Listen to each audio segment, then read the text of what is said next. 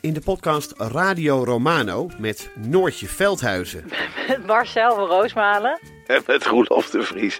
brengen we alle drie elke week een zogenaamde signalering mee. Wat heb jij nou weer bij je? En aan het eind bepalen we wie de winnaar van de week is. Echt een angstcultuur Lege huls die je er bent? Ja, dat gaat eigenlijk altijd onvriendelijk. Luister nu naar Radio Romano bij Podimo. Via podimo.nl slash Radio Romano luister je 30 dagen gratis. Liegen over een mondkapjesdeal die je hebt gesloten met de overheid. Een deal waarmee je miljoenen hebt verdiend. Dat doet toch alleen Siewert van Liende? Nou, nee. Ik ben Felicia Alberding en in de Mondkapjesmiljonairs duik ik met een team van correspondenten in andere schandalen. Want wist je dat Siewert helemaal niet uniek is? Luister de Mondkapjesmiljonairs in je Podimo-app. Of ga naar podimo.nl slash mondkapjes. En probeer Podimo 30 dagen. podimo.nl slash mondkapjes. De algemene bestuursdienst was ontzettend blij dat ik eindelijk ophoepelde. Want ik was een vervelend precedent voor iedereen. Omdat ik al wat langer zat. 14 jaar is een behoorlijke U was tijd. een voorbeeld van hoe het niet moest. Ik was een voorbeeld van hoe het niet moest. Dat ben ik ook graag, dus dat maakt mij niet uit. Er was wel reden om, om, om een zekere wisseling hier en daar te doen. Er waren soms wel erg koninkrijkjes gevormd, dus dat was op zich wel goed. Alleen ik vind wel in de, de huidige constellatie dat er te veel gewisseld wordt. In zijn algemeenheid zomaar wat erop losmanagen, dat geloof ik niet dat dat bij de overheid heel erg verstandig is. Management eh, zonder deskundigheid, daar geloof ik niet erg in. Als je een broodfabriek managt, dan moet je ook van brood houden. Dit is Betrouwbare Bronnen met Jaap Jansen.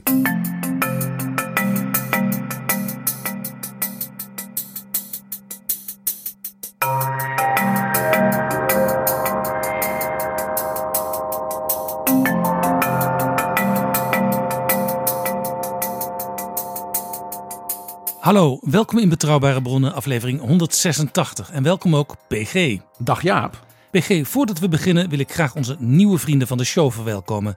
Luisteraars die met een donatie Betrouwbare Bronnen mede mogelijk maken.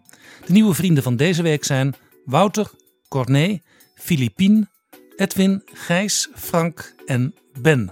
Heerlijk, al die nieuwe vrienden van de show. En wil jij ons nou ook helpen? Ga dan naar vriendvandeshow.nl slash bb. U bent meer dan welkom. Schrijf het anders maar even op een briefje. vriendvandeshow.nl slash bb. Dit is Betrouwbare Bronnen. PG, af en toe praten we in betrouwbare bronnen met wat je zou kunnen noemen een iconische topambtenaar. Iemand die geen minister is, maar wel aan de knoppen zit en op het hoogste niveau het beleid mede bepaalt en soms plotseling even in beeld komt. Iemand ook die in Den Haag of in Brussel wijd en zijd bekend is, maar buiten die kring nauwelijks. En deze keer is bij ons de gast Tjibbe Joustra. Ooit de jongste secretaris-generaal ooit. Op zijn 36e werd hij dat op landbouw. En dat is hij ook 14 jaar gebleven. En we gaan hem vragen, mag ik hopen, wat een secretaris-generaal eigenlijk is. Hè? Daar ben ik ook heel benieuwd naar, PG. Hij was ook bestuursvoorzitter van het UWV. De allereerste Nationaal Coördinator Terrorismebestrijding. Een functie die hij grotendeels zelf nog moest invullen. En daarna voorzitter van de Onderzoeksraad voor Veiligheid. Waar hij in 2019 is opgevolgd door Jeroen Dijsselbloem. Welkom in Betrouwbare Bronnen, Tjibbe Joustra. Dank u wel. Wij nodigden u uit omdat er vandaag een boek van u verschijnt. Althans uit uw mond opgetekend met herinneringen. Dat boek heet Crisis en Controle. En u heeft inderdaad nogal wat crisissen meegemaakt. Boze boeren bijvoorbeeld, opstandige vissers, varkenspest, mond- en klauwzeer, terrorisme, MH17. Een rel rond uw eigen functie bij het UWV. Wat is het eerste wat u deed als er een crisis uitbrak? Het is vaak heel moeilijk om te bepalen wanneer een crisis uitbreekt. Eh, dat, dat, dat is een- vaak een glijdend proces. Ik heb wel eens een organisatie gehad die leek op een crisisorganisatie. Eh, waar we van tijd tot tijd zeiden: ja, zitten we nou in een crisis of niet? Dat was de gekke koeienziekte. Dat was, dat was een, een, een ziekte die, die koeien in Engeland hadden. Eh Creutzfeldt-Jacobs, een, een, een, ziekte eh, waar de mens ook vatbaar voor was en zelfs aan kon overlijden. En die heette gekke koeienziekte, ziekte, als ik me goed herinner, omdat die koeien raar gingen springen. Die koeien gingen raar springen, die konden niet meer op hun, hun benen staan. Het, daar noemde men het gekke koeien mad cow disease. Hè. Maar en het- dat, dat, in Engeland had men dat. Het was duidelijk dat het iets te maken had met het voer wat ze kregen. Eigenlijk heel kort gezegd, koeien moet je niet andere koeien in welke vorm dan ook laten opeten. Een soort, soort cannibalisme van koeien onderling dus. Uh, in ieder geval van, van dierlijke eiwitten waar koeien niet, niet voor bestemd zijn. Die eten toch gras? Die eten toch gras, koeien? Koeien eten gras en als je dat nou maar doet, krijg je geen gekke koeienziekte. Maar dat was dus iets wat, wat, wat sluipend was, waar veel onderzoek naar gebeurde. In Engeland waren er serieuze onderzoeken die zeiden: hier gaan over 10 jaar, want de incubatietijd was, was 10, 12 jaar. Hier gaan over 10, 12 jaar tienduizenden mensen aan overlijden. Nou, dat is dus wel, wel, wel schrikken. We hadden het in Nederland nog niet, uh, maar we hadden alles al wel opgetuigd. Het was, het was wat ze ook wel eens noemen een trainwreck in slow motion. Ja, in wezen wel. En, je wist ook niet zeker of het kwam, maar de kans dat het zou komen was, was natuurlijk vrij groot. En de, die vergaderingen die, uh, waren zo eens in de, in de week, twee, maal in de week, zorgde hij dat alles op orde was, laboratoria, et, et cetera, van wat gaan we doen. En dat was nou typisch iets dat we soms zeiden van ja, zitten we nou al in een crisis of niet? want dan krijg je een uitbraak van gekke koeienziekte in een ander land. En, en, dat geeft wel aan dat het niet altijd met een schaartje te knippen is wanneer, wanneer er een crisis is of wanneer niet. Kijk, als je terrorismebestrijding doet en er gaat een bom af, dan hoef je verder niet na te denken. maar vooral die crises die een lang voortraject hebben, daar is het soms wel lastig te bepalen van, van wanneer heb je die crisis. Gebeurt het ook wel eens in uw uh, wereld dat plotseling kranten over iets gaan schrijven, of een krant? En dat u dan denkt, ja, nu is, nu is het echt crisis. Meestal zie je toch wel bepaalde signalen aankomen. Als ik het heb over Monte Clausier, hè, dat is laatst nog een eh, hele interessante serie, was er op de televisie over die periode.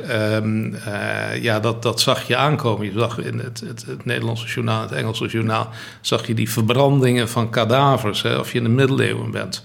Ja, dan, dan heb je niet veel nodig om te weten van nou, er is zoveel handel, dan zullen we ook wel mee geconfronteerd worden. Dus wat dat betreft, dat type crisis, dat, dat, dat, dat, ja, dat, dat zie je aankomen en, en, en je weet ook wat het is. Hè.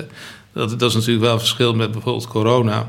Als je een Monte Clausier virus hebt, dan weet je wat het is. Dan weet je precies hoe dat gaat. Eh, er is veel wetenschappelijk onderzoek gekke koeienziekte was een beetje als corona. Van ja, is, is het, hoe, gevaarlijk is het nou eigenlijk? En dat maakt het gewoon, zeker die beginfase, complexer.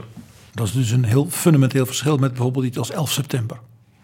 Ja, 11 september, dat, dat, dat is natuurlijk een, een, een, een, ja, een mega-incident. Een, een, ja, een scenario wat je niet voor mogelijk houdt.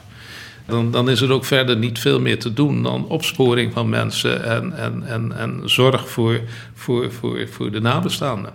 Dat is een heel ander type crisis. En preventie van herhaling, uh, copycat en dat soort dingen. Dat is, bij terrorisme heb je altijd twee dingen. Dat, het, het allerbelangrijkste bij terrorisme is, is de informatie vooraf. Want als het één keer ontploft, ja, uh, dan, dan eigenlijk ben je, ben je, ja, dan ben je dus niet aan de bal geweest dus de informatie vooraf, de inlichtingen, dat, dat, is, dat is natuurlijk van, van, van heel groot belang. En het tweede, eh, bij terrorisme, als, je, als er ergens iets gebeurt, dan het eerste wat je denkt is, zou er nog wat gebeuren? want parallel aanvallen, of, of, of dat, dat is een, niet ongebruikelijke strategie. Dus je bent altijd bezig van wat kan er nog meer gebeuren? is net als in, als in Engeland, hè, ik weet nog wel de, de, de explosies in de ondergrondse dan ben je natuurlijk erg geïnteresseerd hoe dat in Engeland zit. Maar je bent ook erg geïnteresseerd. Ja, zou in Nederland hebben we aanwijzingen, hebben we signalen dat er een band met Nederland kan zijn? Kunnen we hier een parallel actie verwachten? Dat zijn dus het normale uh, ritme eigenlijk van terrorismebestrijding. Ja. Op landbouw was op een bepaald moment Josias van Aartsen minister. En toen brak de varkenspest uit. En toen vroeg Van Aartsen aan de vergadertafel op een gegeven moment: wie is hier de generaal? En toen zei u, dat ben ik. Ja, dat is toch een licht apocrief verhaal, vrees ik. Uh, want zo is het niet Het staat ook niet in het boek, hoor. Dat staat ook niet in het boek, maar zo is het ook niet gegaan. Um, um, uh, van Aertsen, um, die, was, die was wel van begin af aan overtuigd... dat die varkenspest een heel groot incident zou worden. Een heel groot drama zou worden. Uh, dan kun je zeggen, ja, varkenspest, dat is logisch dat dat zo groot uitpakt. Maar dat was niet logisch. Want varkenspest, daar bestaat een uitstekend vaccin tegen. En, en, en, vroeger, als er ergens varkenspest uitbrak, wat heel vaak gebeurde, door, door, wilde zwijnen of door anderen, dan werd er zogenaamd wat men dan noemde in jargon een entdeken gelegd. wat je ging doen is gewoon in een bepaald gebied wees je aan. Dat werd, werd wettelijk afgebakend. Quarantaine. In wezen soort quarantaine. Maar in wezen werd dat gebied afgebakend en alles werd voor de voet gevaccineerd. Dat, dat was normaal varkenspest. Um, um, wat, wat, wat dit uh, gebeuren tijdens Van Aartsen uniek maakte... was het feit dat er een non-vaccinatiebeginsel was. Dat had te maken met de toetreding van wat nieuwe landen tot de Europese Unie. Want als je vaccineert kun je doorgaans het, het vlees en dergelijke niet meer ergens kwijt. Men wil het gewoon vaak niet hebben. Um, uh, dus men was overgestapt van, van uh, wat vroeger heette, het klinkt allemaal, zijn vreselijke termen, stamping out. Nou, daar kun je wel iets bij voorstellen. Dat, dat overleeft een beest in ieder geval niet. In wezen, het Permanent Veterinair Comité in Brussel, wat daarover ging, die had ook berekend dat stamping out eigenlijk goedkoper was dan de gevolgen van, van, van vaccineren. En zo zaten we dus opeens met een nieuwe situatie, waarin, waarin dus niet meer werd gevaccineerd, maar waarin geruimd werd, zoals het eufemistisch heette. En dat gaf dus een heel andere dynamiek. Zeker als het varkenspest uitbreekt in het meest varkensdichte gebied van Europa. Dat geeft een heel andere dynamiek. En um, die, die, die endekens en dergelijke, dat, dat werd vaak door de veterinaire dienst wordt dat behandeld en gestuurd, et cetera. Maar Van Aartsen die zei toen in het begin meteen van... ja, ik vind dat we dat toch anders moeten doen dan normaal. Kun jij niet die crisisstaf gaan voorzitten? Daar had ik in het begin lichte aarzelingen bij, want ik denk, nou, dat, dat gaat een hele tijd duren. En, en, en, ja, je hebt bredere taken dan, dan dat. Maar zo hebben we het toch gedaan en dat was toch goed. Want het betekent niet alleen, het ging niet zozeer om mijn persoon, maar ook de functie van secretaris-generaal als voorzitter van zo'n crisisstaf. betekent dat zo'n crisisstaf op een ander niveau gaat opereren dan als een directeur van de veterinaire dienst het voorzit. Ja. Dus wat dat betreft was dat een, een, een, een goede greep. En dat is eigenlijk, terugkomend op uw vraag, dat is eigenlijk ook het eerste als je echt zegt van nou, dit is een crisis. Het eerste wat je bedenkt is, wie gaan het doen? En in welke structuur gaan we het eigenlijk doen? Dat zijn de cruciale vragen aan het begin. Ja, dus een secretaris-generaal kan wel degelijk op zo'n moment een generaal worden. Dat kan en, en het, het, het, had iets van een soort, soort operationele, uh, uh, bijna oorlogsvoering tegen het virus. Dus vandaar dat waarschijnlijk die term is, is, is uh, blijven hangen. Maar ja. ik ben niet zo'n type die roept: ik ben de generaal.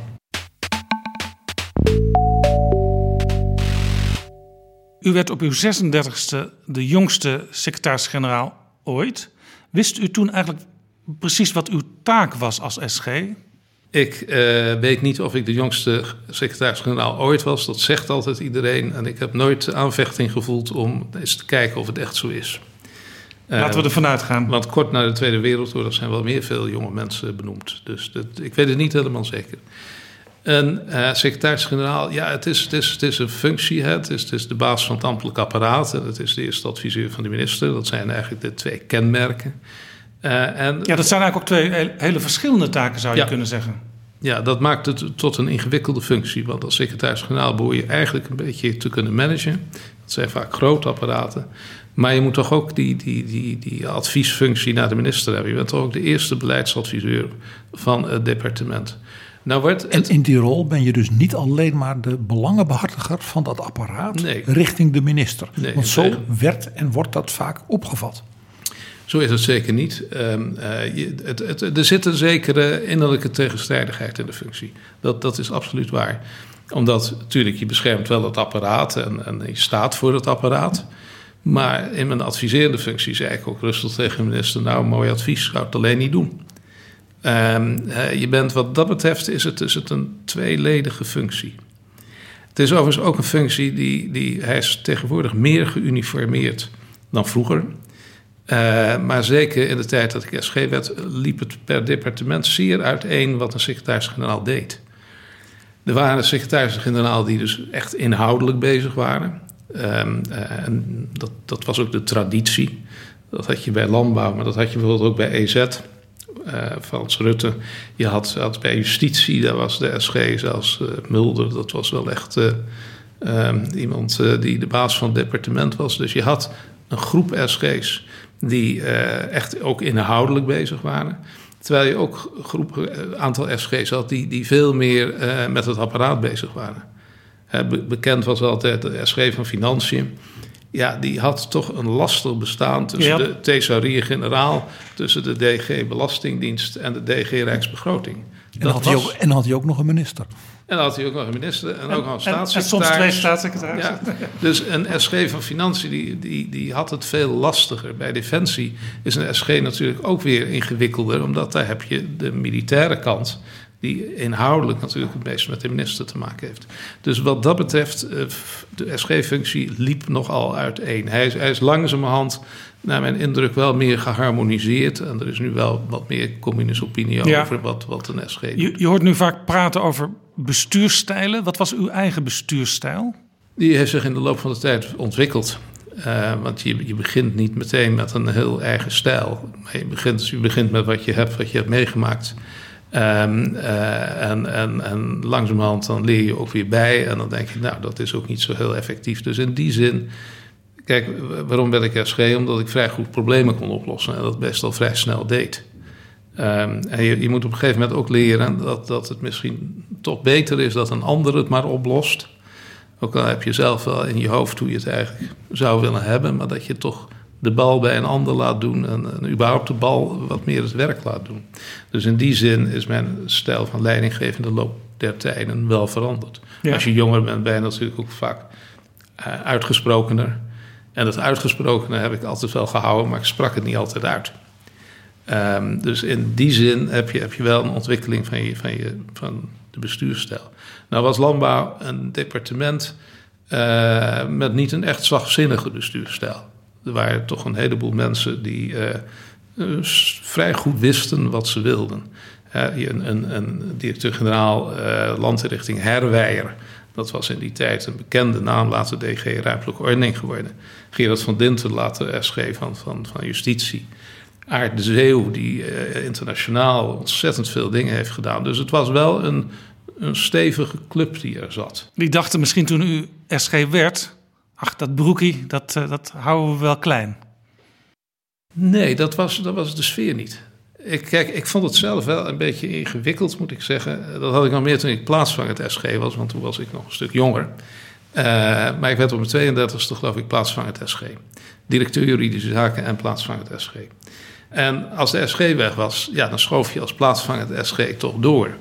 En ik vond het zelf in het begin wel ingewikkeld toen de SG weg was. Dan zat ik aan tafel met uh, de DG's, die allemaal al DG waren toen ik als referendaris twee, de tweede klas binnenkwam. En als u belde met uw collega van een ander departement, was die 20, 25 jaar ouder dan u? De meeste Want die was in de 50 en u was maar 30. allemaal uh, een stuk ouder. Maar het aardige bij, bij landbouw was wel uh, die DG's voelden dat ergens ook wel. Natuurlijk zouden we zo een beentje kunnen lichten, maar je werd juist gesteund. Uh, en dat, dat, is toch, dat was toch anders. Wat dat betreft uh, heb ik eigenlijk niet weer meegemaakt zo'n coherente groep mensen. Dat heb ik nooit als vreemd ervaren, maar achteraf denk ik: God, dat gebeurt eigenlijk nergens. Ik heb, omdat mensen veel ouder zijn, ik heb eigenlijk van die hele staf die er toen zat, bijna op ieders begrafenis gesproken. Uh, ja, dat krijg je als je zo jong bent en de rest is echt 20 jaar ouder. Maar dat, dat was toch een coherentie die dat ook ja, normaal maakte. Terwijl dat hoor je verder niet. Ging het ook zo goed omdat de taakafbakening heel helder was toen op het ministerie? Taken waren helder en, en, en, en het was ook, ik zei al, het was niet een hele zachtzinnige. Dus als, als het, eh, er werd ook wel geruzied. Maar allemaal in, in goede verhoudingen. Dat, bleef, dat be, be, beklijfde niet ik hoor een heel sterk esprit de corps ja. van een soort identificatie met, ik zal maar zeggen, de club, met landbouw. Klopt dat? Ja, dat was er in die tijd zeker. Landbouw was een heel samenhangend departement. Was ook eigenlijk een soort hele grote projectorganisatie. want het ging toch allemaal vanuit heel verschillende invalshoeken. Het ging wel om, de, om dezelfde kernactiviteit. En wat dat betreft, ja, dat, dat was wel een groot esprit de corps. Wat je ook bij andere diensten met duidelijke doelstelling hebt. Belastingdienst heeft dat, bij justitie heb je diensten die dat hebben. Defensie natuurlijk, dus, dus dat was wel esprit de corps. U zegt in uw boek, als het niet moet, dan doe ik niets als SG. Wanneer weet je dat er wel iets moet gebeuren? Je moet um, uh, als SG niet, je moet ook weer niet al te, te handelend zijn.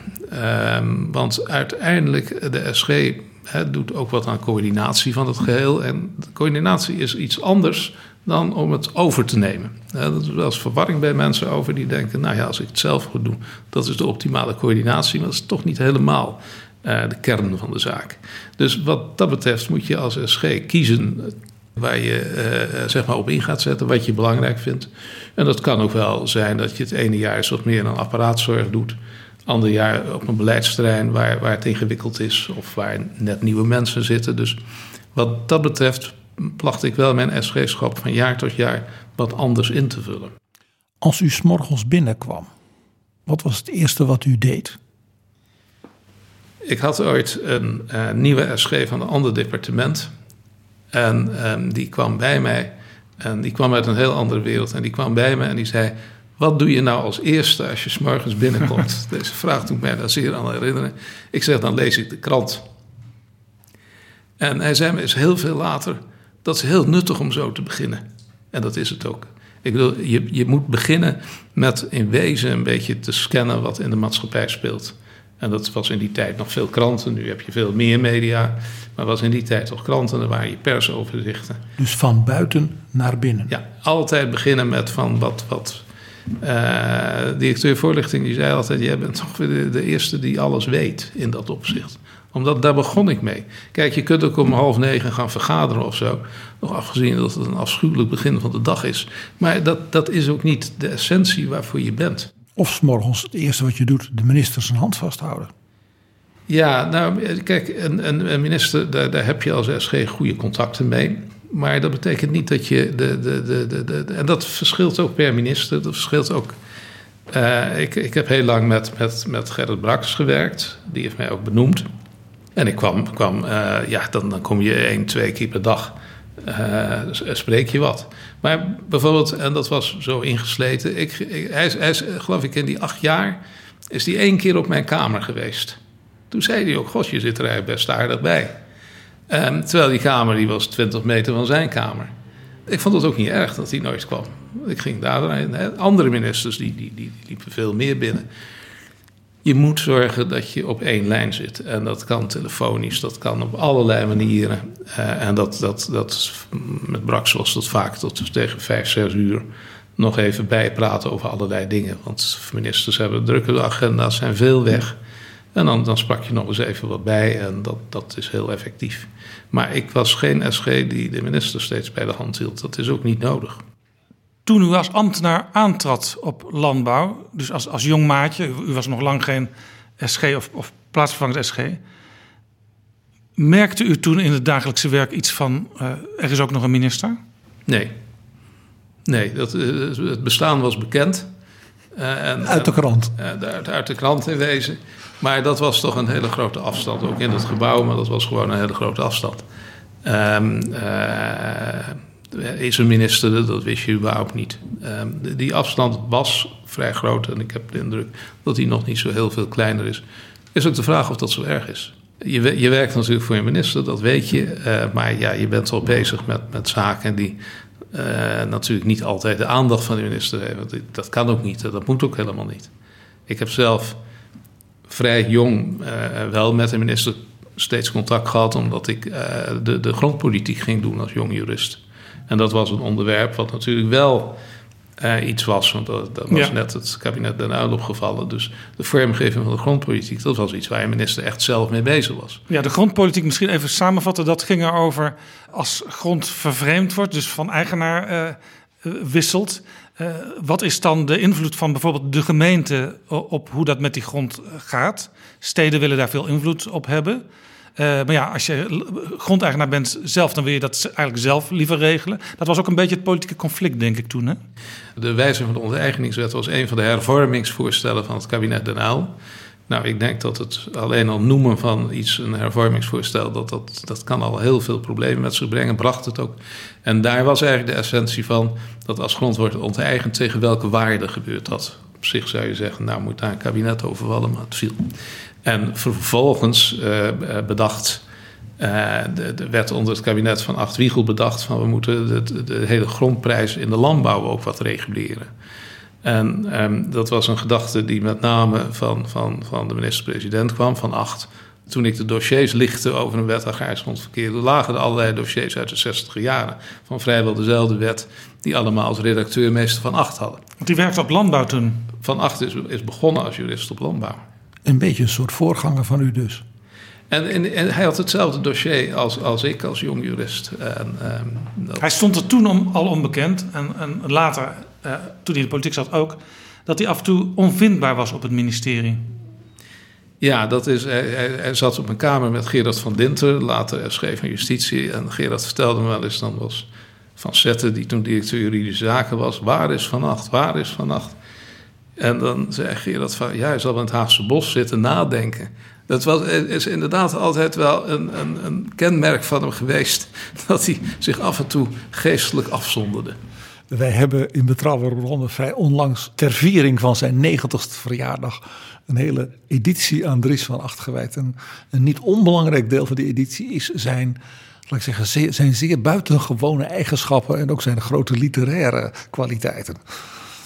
En dan, dan, ik, zie aan uw glimlach uh, dat u hem helemaal begrijpt. Ja, nee, dat is. Uh, hij, hij, belde me nog wel eens in mijn SG-tijd en dan zei hij: eindelijk, eindelijk mijn moederdepartement aan de lijn. Dat, zo begon het altijd, dan wist ik al wie het was. Ja. Wat mij trouwens fascineert, dat kabinet Den Uyl viel op de grondpolitiek. En er kwamen later nieuwe wetten, maar toen is het eigenlijk nooit meer zo hoog opgespeeld. Nee, dat is, uh, uh, want er kwam een wijziging van de onteigeningswet, wet voorkeursrecht gemeente, die voorkeurspositie voor gemeenten vorm gaf.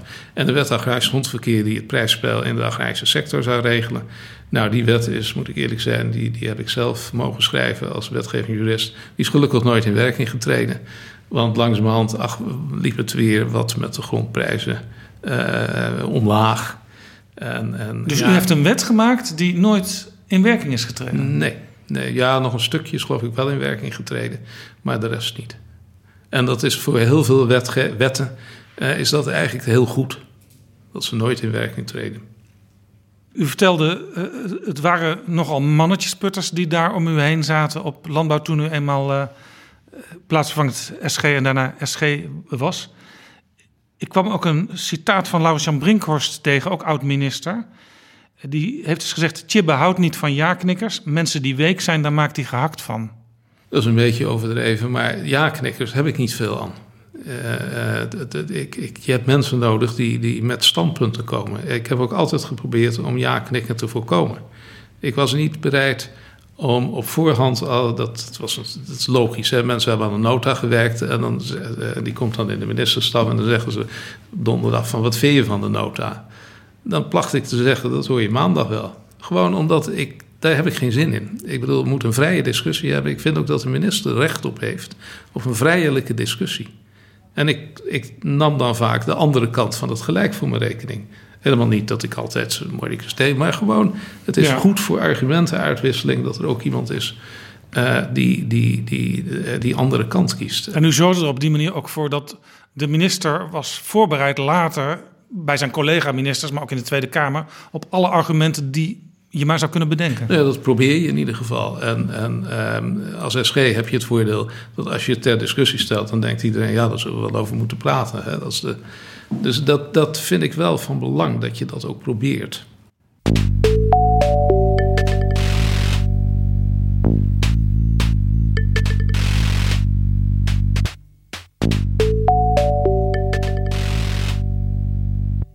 Binnenkort treedt er natuurlijk, laten we hopen, ook hier in Nederland weer een nieuw kabinet aan. Met ook een aantal nieuwe ministers waarschijnlijk. U heeft ze ook zien komen en zien gaan. U werd tot SG benoemd door, door Gerrit Braks, u zei het al. CDA-minister. Daarvoor zat Jan de Koninger, ook CDA. Piet Bukman kwam na Braks, CDA. Josias van Aartsen, VVD. Hajo Apotheker. Laurens-Jan Brinkhorst, allebei D66. Heeft u misschien bepaalde herinneringen aan ministers? Dat, dat lijkt mij interessant ook voor kandidaten die nu misschien op de drempel staan van... Uh, ik word minister. Of misschien wel een of misschien wel een secretaris-generaal die denkt: ja, ik krijg straks weer een nieuwe minister. Hoe zal ik daar eens mee omgaan? Uh, misschien kunnen we daarvan leren. Kijk, uh, ik heb altijd één stelregel gehad als een secretaris-generaal begint met van met die minister zou ik niet kunnen werken, met die wil ik niet werken. Prima, onmiddellijk weggaan. Als secretaris-generaal. Als secretaris-generaal. Voor u en ander. generaal ben je wat dat betreft een allemansvriend. Uh, en uh, kijk je altijd uit naar de, beste, naar de volgende minister... die ongetwijfeld de beste is ooit. Nou, dat het allemaal genuanceerd ligt, dat hoeft geen toelichting. Maar als je die instelling niet hebt... als je dus mensen als de minister binnenkomt en dan schreef, denk je, ja, dat zie ik nou helemaal niet zitten. Wat een vervelende man of vrouw. Ga weg en ga wat anders doen. Daar heeft de minister ook recht op. Um, wat, wat dat betreft, um, uh, je, je, bent mensen en, en ik, ik vond zelf altijd wel van belang. Kijk, als een nieuwe minister komt, daar is alles op gefixeerd. Dat, dat is, zo'n departement is erop ingesteld om uh, zeg maar de sporen van de oude minister in de middag te elimineren en zich helemaal te concentreren op de nieuwe minister. Je moet als SG soms even opletten dat je zegt: jongens, er is toch nog wel een chauffeur om de voormalig minister naar huis te brengen. Want het is zo gefixeerd dat als je niet oppast, zijn die weg. Nieuwe minister die, die, die, die treedt aan en die wordt van alle kanten door iedereen besprongen en geadviseerd, et cetera. Ik had zelf altijd de neiging om uh, maar eens even rustig aan te doen. laat, laat, iemand maar wennen. En, en, en kijk, het, het, zijn allemaal mensen die niet in zeven sloten tegelijk lopen, want anders waren ze het ministerschap niet bereikt. Um, en in die zin, ik heb het altijd heel weinig nuttig gevonden om, om dan ministers te overtuigen dat zoals het allemaal is, is het beste. Dat is weinig bemoedigend voor een minister, want die denkt dan toch, wat kom ik hier eigenlijk doen? Ja, je hoort uh, natuurlijk vaak in een organisatie, ja, dit hebben we al drie keer eerder geprobeerd, maar dat is nooit gelukt, dus laten we dat maar niet meer doen. Ja, en met die stelling ben ik het niet eens, want soms lukt de vierde keer wel. En eh, verder heeft iedereen recht op zijn eigen fouten. Um, uh, dus in, in die zin, ja, ik zei ook wel eens van, nou, dat lijkt me ik geloof niet dat dat wat wordt. Maar als mensen dat dan willen, nou, dan moeten ze dat vooral zelf ervaren. Um, maar ik vond altijd, je moet de minister even ook, ook, rust gunnen. Dat hij zich kan inwerken. Dat hij met allerlei mensen praat. Misschien met andere mensen praat dan tot voorheen. Dus niet dat bedillerige van je moet dit, je moet dat. Uh, nee, en dan, dan op een gegeven moment dan, dan groeit er wel weer iets. Als iemand minister wordt, dan gaat hij natuurlijk ook naar de ministerraad. Maar er is ook een constituerend beraad wat eraan vooraf ja. gaat. En soms krijgt een minister dan wel eens een, een, tip die achteraf heel belangrijk blijkt te zijn geweest. Heeft u zo'n tip ook wel eens gegeven aan een minister? Ja, constituerend beraad heb je wel je spul voor klaar liggen. Uh, want dat is waar, waar nog hele vervelende en hele goede dingen kunnen gebeuren. Want dan kan het regeerakkoord nog een klein beetje worden aangepast, bijvoorbeeld. In ieder geval op elementen die nou juist voor een SG van groot belang zijn. Ja, ook vaak gaat, gaat het dan over financiën, en, die, ja, ja, ja, die wel of niet beschikbaar zijn. Of mensen die even in een tussenzinnetje zeggen van nee, maar dan coördineer dat. En, en dat de anderen niet helemaal doorhebben. Uh, hoe, hoe het nou loopt. Ik heb wel eens gehoord van de minister. Dan blijkt die, ineens de minister van Wetenschap over de landbouwuniversiteit te gaan, bijvoorbeeld. Nou ja, dat, dat, maar dat, ja, dat zou kunnen. Maar ik heb ook wel eens aan de minister gehoord die minister zonder portefeuille werd en er pas wat later achter kwam. Dat betekent dat hij en geen departement en geen begroting had. Dus constituerend beraad is wel iets waar je, waar je uh, uh, even wat, wat voor praat. Maar dat is ook meteen al heel moeilijk, hè? want dan moet je meteen al op een hoog level uh, met zo'n nieuwkomer praten. Ja, nou, die moet het vooral eenvoudig brengen. Kunt u, kunt u zich nog iets herinneren wat u een keer heeft meegegeven voor dat constituerend beraad? Ja, oh, dat gaat, ging meestal om, om, om, om uh, competentieafbakeningen. Dat zou kunnen, hè, in de tijd dat landbouw nog landbouwonderwijs, uh, hoe gaat het met als onderwijsbegroting geld erbij krijgt, hoe, hoe deelt landbouw dan mee? Dat, dat type onderwerpen moet je. Nou, als u uh, kijkt naar de verschillende ministers met wie u heeft gewerkt, tussen wie was dan het grootste verschil, de ene en de andere minister? Kijk, je hebt de, meeste ministers die ik gehad heb, hadden wel wat uh, al eerdere politieke ervaring, sommigen zelfs heel veel. Van Aert zat natuurlijk, uh, die was heel, heel lang SG geweest, mijn collega. Ook als plaatsvanger SG was hij al mijn collega. Laurens-Jan Brinkhorst, die natuurlijk DG bij de commissie was geweest, fractievoorzitter, ja. staatssecretaris. En zelfs hoogleraar toen u in Groningen studeerde. Ik heb nog uh, kort college van hem gehad en toen werd hij geroepen tot het hogere en werd hij staatssecretaris op Buitenlandse Zaken. Ja. Apotheker had, dat, had eigenlijk geen ervaring op rijksniveau. Ja, dat is voor iemand veel lastiger dan als je al een tijdje in de ja. kring meedraait. Hajo Apotheker, D66, is ook eerder vertrokken als minister. Ja, die is op een gegeven moment ermee opgehouden. Die kon zich toch niet vinden, ook in bepaalde zaken rond mesbeleid en dergelijke. En eh, ik heb niet de indruk dat hij, dat hij nou zo heel erg happy was in, in Den Haag. In de tijd van Gert Braks kwam de opstandige boer ook al een beetje in beeld. En toen waren er ook plotselinge maatregelen die moesten worden genomen. Het ging zelfs ook vaak al over mest toen, waar het nu in feite met die stikstof soms weer over gaat. Veel mensen vonden Gerrit Brax een typisch boerenminister. En dat was, voor een deel was dat, was dat ook wel. Hij, kwam uit de Peel, was, was eenvoudig begonnen, bij de landbouwvoorlichting gewerkt van het departement. Uh, de hele familie zat in de agrarische sector. Uh, en, en, in die zin ook een, een, een boerenminister. Uh, een van zijn drijfveren, dat vond ik altijd wel opmerkelijk, dat, dat was toch echt van weet jij wel hoe arm wij vroeger in de peel waren? Ja, nou zit je wel over die varkenshouderij, maar weet je wel hoe arm wij waren? Dat we nauwelijks te eten hadden. Dus in die zin een, een van afkomst en, en opleiding een typisch agrarische minister. Toch is hij het die, denk ik, de grootste veranderingen in de sector uh, het start zijn heeft gegeven. En dat is voor een, voor een deel toeval, maar dat is ook voor een deel zijn overtuiging. Um, we hebben in de tachtige jaren, hij is ongeveer de hele tachtige jaren is hij minister geweest. In de tachtige jaren, midden tachtige jaren, hebben we natuurlijk in vrij korte tijd gehad dat er melkquota kwamen. De productie van, van melk werd door Europa aan banden gelegd.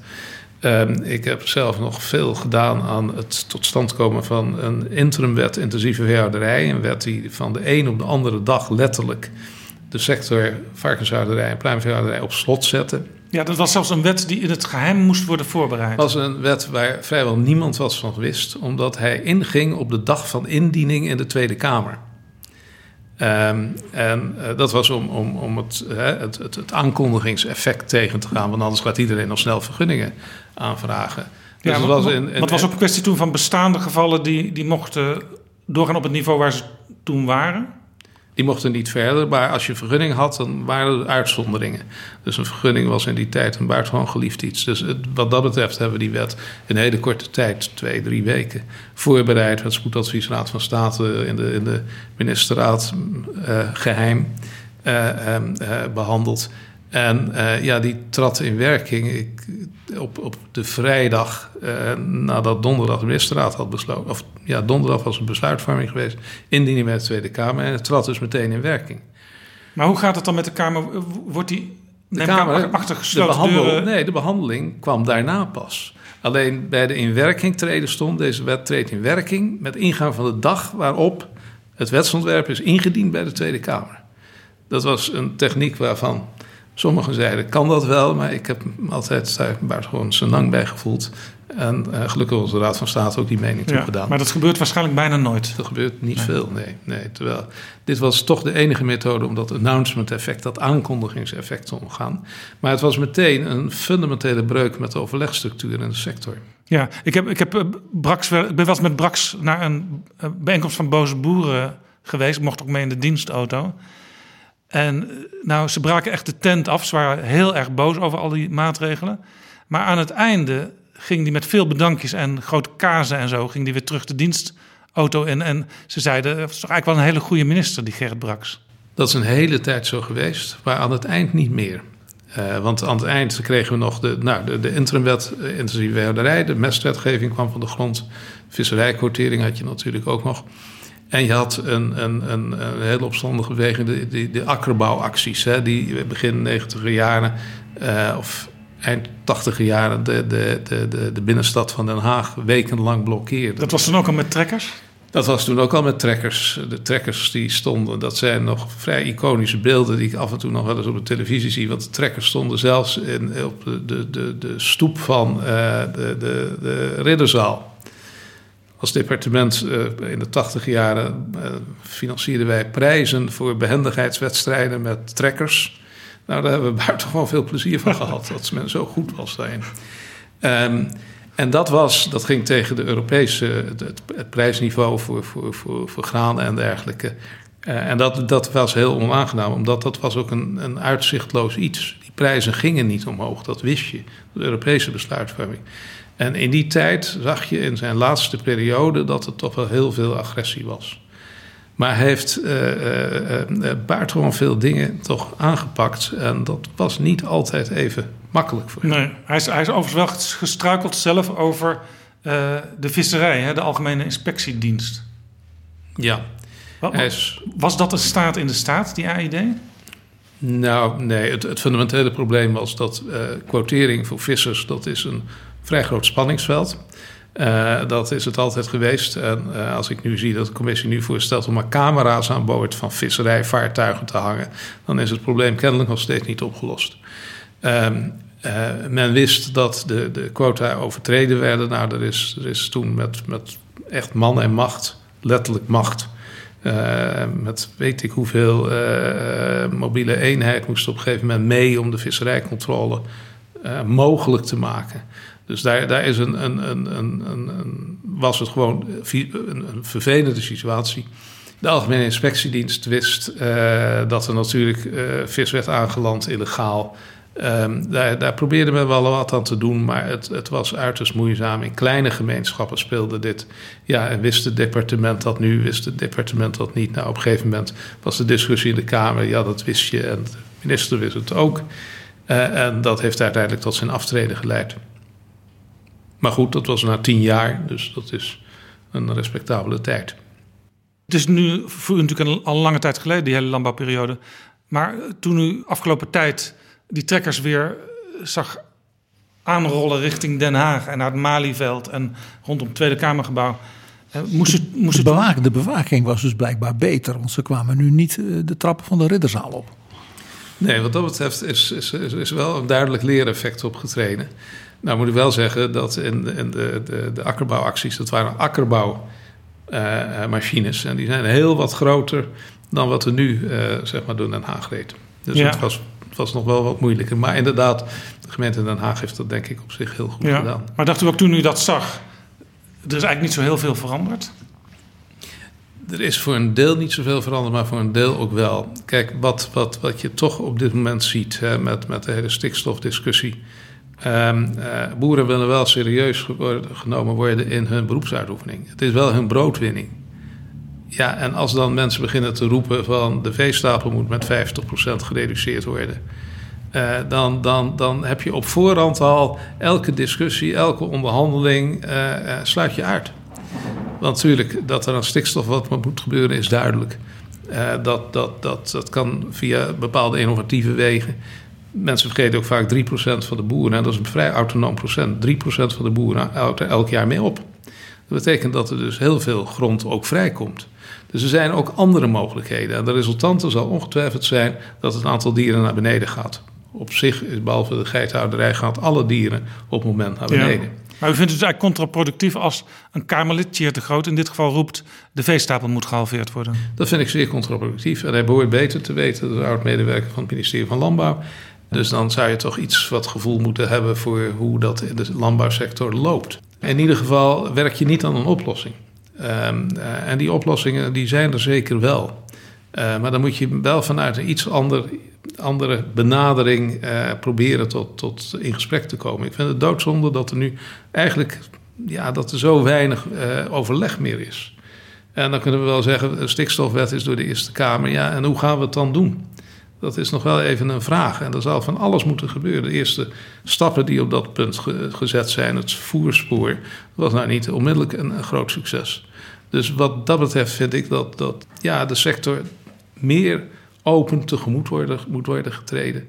Dat het duidelijk is dat er dingen moeten gebeuren, dat er dingen moeten veranderen, maar dat er volgens mij ook ruimte voldoende is. En in technologische ontwikkeling en in het aantal boeren wat stoppen, om tot invullingen te komen. Maar er is dus veel onbegrip vanuit de agrarische wereld richting de politiek. Kan het dan helpen dat er nu sinds kort in de Tweede Kamer een boer-burgerbeweging vertegenwoordigd is? Dat weet ik niet. Dat zal ongetwijfeld voor de, achterban van, van, van die partij zal, zal dat helpen. Het, het, het, het zou kunnen. Uh, maar het is natuurlijk wel een kleine, kleine fractie. En de, de grote beslissingen worden natuurlijk toch grotendeels genomen door de coalitie, welke het ook mogen zijn die ontstaat. En als het om het landbouwbeleid gaat, helemaal niet in Den Haag, maar in Brussel. Een deel van het landbouwbeleid wordt in Brussel gemaakt, dat is met name het marktordeningsbeleid. Maar ja, het milieubeleid, uh, stikstofbeleid, wat, wat zeker zo ingrijpend heeft een Brusselse context natuurlijk. Maar de wijze van, van uitvoeren is natuurlijk toch in belangrijke mate wordt die nationaal bepaald. Het feit dat Brussel heel veel doet op landbouwterrein was ooit een argument om het ministerie in 2010 af te schaffen. En in 2017 werd het weer opnieuw opgericht. Is dat niet raar? Ja, dat is heel merkwaardig. Die afschaffing werd Europees ook door niemand begrepen. Want uh, ik, Nederland was. België heeft een tijdje geen minister van Landbouw gehad. Een tijd geleden. Uh, Nederland was het enige land zonder minister van Landbouw. Terwijl we een nogal forse landbouwsector hebben. Dus dat, dat, iedereen vond het heel verrassend, laat ik het zo zeggen. En je moet ook gewoon voor het overleg in Brussel, om daar sterk te staan, een minister hebben. Als je, als je uh, de, de, de, sterk wilt staan, moet je een minister hebben. En natuurlijk dan heb je staatssecretaris die geupgrade worden tot minister, maar dat is toch allemaal anders. Uh, je moet gewoon daar volledig meedoen. Kijk, wat, wat bij de discussies over het departement, die zijn er altijd geweest. Ik vond dat overigens wel goed. Want doordat het departement geen vanzelfsprekendheid was, moest je ook altijd weer nadenken: waar, waarvoor zijn we er nou eigenlijk? terwijl veel departementen een vanzelfsprekendheid zijn en de existentievragen niet zo erg aan de orde stellen. Uh, kijk, justitie zal altijd blijven bestaan. Hè, een aantal hè, maar dat, dat ontneemt je wel uh, mogelijkheden om eens goed na te denken over waar je voor bent. Dus ik vond het helemaal niet zo gek dat het ter discussie werd gesteld. Maar wat dan meestal gebeurt, het aantal boeren is van 150.000 naar 50.000. Dus nu hebben we geen departement meer nodig. Het gaat niet om het aantal, het gaat om de problematiek. En de problematiek is in vele, uh, die is complex, die is ingewikkeld. Dat hebben we gemerkt, of dat nou stikstof is of, of dus straks weer de claim van, van woningbouw, et cetera, op agrarische grond, et. Het is een ingewikkelde problematiek en dat, dat vergt mijn is een volwaardige minister. Ja, bij veel mensen op Binnenhof was het idee in 2017 uh, er wordt een ministerie gecreëerd eigenlijk om politieke redenen. Want de ChristenUnie doet mee. Die hebben een vicepremier. En een vicepremier die moet ook iets te doen hebben. Dus kreeg Carola Schouten het teruggekeerde ministerie van Landbouw. Nou, ze heeft wel wat te doen gekregen. Dus in zoverre was het, is het gelukt. Als een profetische gedachte zou je Dat is een hele goede gedachte. Nee, maar goed, dat, dat eh, departement ontstaan meestal uit politieke redenen. Dit is Betrouwbare Bronnen. U tipt nieuwe ministers in uw boek om bij aantreden een nulmeting te laten doen. Wat zijn de zwakke plekken van het departement? Maar is dat niet raar dat u dat ministers tipt? Want dat eigenlijk juist de taak van de SG dat er geen zwakke plekken zijn. Er zijn op elk departement zwakke plekken. Uh, daar drijft voor een belangrijk deel de politiek op. Als SG moet je daar wat aan doen, maar het kan helemaal geen kwaad als de minister nog eens zegt van uh, hoe, staan we er eigenlijk voor? Hè, ministers willen dan die willen nieuwe dingen doen, nieuw beleid en, en et cetera. Dus ga je dan over je organisatie beginnen. Voor je het weet, en dan, dan raakt iedereen opgewonden en loopt de productiviteit van de organisatie erg terug. Maar ik heb het altijd wat, wat, wat curieus gevonden dat men daar toch vrij klakkeloos vaak instapt. Uh, en elk departement heeft zwakke plekken. En het is soms heel goed om te proberen daar nog eens wat aan te doen. Een minister, dat is ook toch een nieuwe factor. En uh, een minister um, um, is op een departement, dat is toch een hele bijzondere uh, uh, figuur. Als die wat zegt, ik heb me daar persoonlijk vaak over verbaasd, maar als die wat zegt, dan, dan, dan denkt iedereen ook nog, dat gaan we doen. terwijl ik zou zeggen, je denkt zelf ook nog een beetje na, maar dat, de minister kan heel veel invloed uitoefenen. Ja, het kan zelfs zo zijn dat een minister iets hardop zegt, waar die verder niet echt bij stilstaat, maar dat dan de rest dat al aan het uitvoeren is, bij wijze van spreken. Nou, dat soort uh, zaken komt voor. Ja. Hoe, hoe, hoe doe je zo'n nulmeting? Haal je daar bijvoorbeeld McKinsey of Ernst Young voor naar binnen? Nou, dat kun je ook zelf gaan doen. Hè. Je hoeft niet overal extern. Kijk, als er, als er nog niet onder allerlei druk is, kun je zelf een heleboel dingen doen. Wanneer komen de externe doorgaans opzetten als er problemen zijn? Maar waarom zou je niet eens kijken van, goh, is deze indeling nou eigenlijk goed? De directoraten-generaal, um, uh, hoeveel hebben we er? Moet dat zo? Et, et cetera. Wat dat betreft vind ik dat, dat, dat um, uh, ministers daar best eens af en toe wat aandacht aan moeten besteden. En dat zou ik als SG niet als concurrentie ervaren of als bemoeienis die niet hoort, maar interesse in waar ik mee bezig ben. Ja. U vertelde straks, er zijn hele verschillende soorten uh, SG's. Dat wisselt heel erg per departement en dat verandert ook in de tijd. Uh, in uw tijd kwamen de SG's ook al wel eens uh, bijeen voor lunches. Ging dat dan flink over de inhoud van waar u mee bezig was? Nee. Het ging vooral over de kwaliteit van de maaltijd. Wij uh, lunchten één keer in de maand. En daar, daar, nee, daar was de inhoud niet, niet erg prominent aanwezig. Op, op sommige zaken in de apparaatzorg, maar nee, dat, dat, dat was niet een echt inhoudelijk overleg. Het was altijd heel plezierig. Oud-SG's kwamen er ook vrij vaak bij. Maar het waren niet echt inhoudelijke discussies. Dat, dat lijkt nu wel anders, want onlangs stuurde de SG's een gezamenlijke brief naar informateur Cenk Willink. Ik weet niet of dat in uw tijd ook al gebeurde. Voor een deel. Um, kijk, dat, dat, dat, dat samen zijn van die SG's, dat, dat ontwikkelde zich. Wat ik zei, in, in het begin stond de, de lunch nogal centraal. Um, uh, dat was in de, in, de, in de tachtig jaren. En was er ook een zekere aarzeling bij de SG's van... ja, moeten wij nou wel als college dingen doen? En dat was heel gek, maar dat was toch in de 70 en 80 jaren... ook nog een beetje de reminiscenties aan de SG's in oorlogstijd. Uh, er waren nogal wat SG's vroeger, Gerard Pijnenburg en dergelijke, met nogal een sporen verdiend hebben in het verzet. En dat is toch heel lang uh, door. Is, is dat toch iets geweest wat een beetje ongemakkelijk Even voor de helderheid: uh, Nederland werd natuurlijk bezet door de nazi's. De secretarissen-generaal die bleven voor een deel op hun post toen. En die speelden een belangrijke rol bij het bestuur van Nederland. En dat werd in de 70, 80 toch nog als ongemakkelijk eigenlijk ervaren. Dus sommigen moeten we dat nou wel doen. En dit. Later is er, is er, is er uh, een, een, een, is het een wekelijkse vergadering geworden. Is die ook veel inhoudelijker geworden.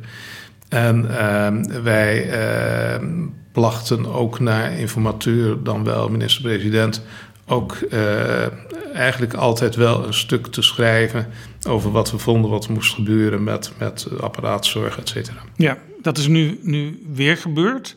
De SG's die waarschuwen bijvoorbeeld... Uh, ga nou geen nieuwe departementale herindelingen uh, doorvoeren.